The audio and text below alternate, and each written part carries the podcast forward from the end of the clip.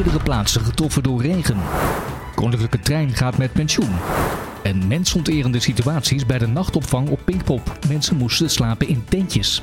Dit is het Nieuwspaal Nieuws van maandag 19 juni. Meerdere plaatsen in ons land zijn zondagavond getroffen door regen. Steden als Terneuzen, Kampen en Maastricht kregen te maken met buien. Minstens duizend mensen werden nat, maar gevreesd wordt dat hun aantal nog verder oploopt. Regen wordt gevormd door wolken waarin door condensatie waterdruppeltjes ontstaan. Deze elementen worden wolkenelementen genoemd. Het wordt pas gevaarlijk als de druppeltjes te groot worden. Ze vallen dan naar beneden als neerslag, in de volksmond ook wel regen genoemd. In sommige landen regent het in elk seizoen, maar in ons land komen regenbuien in deze tijd van het jaar nauwelijks voor. Na 160 jaar gaat de koninklijke trein officieel met pensioen.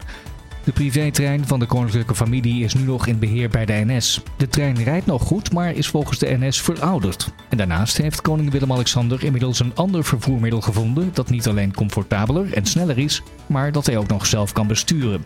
Een vluchtje van Den Haag naar Brussel in een Boeing 737 duurt nog geen 20 minuten, terwijl de koning met de trein ruim 3 uur onderweg is. Door de koninklijke trein weg te doen en bewust te kiezen voor het vliegtuig, kan de koning ook andere mensen inspireren om eens wat vaker te gaan vliegen. En Pinkpop had dit weekend te maken met een enorme instroom, maar de organisatie had veel te weinig bedden beschikbaar om alle mensen op te vangen.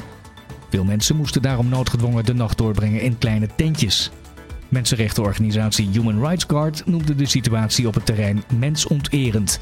Het was niet de eerste keer dat mensen op het Pinkpop-terrein onder een stuk doek moesten slapen. Ook in eerdere jaren zochten mensen s'nachts hun heil in kleine tentjes en vaak straalbezopen. Dat was het voor nu. Meer nieuws op nieuwspaal.nl.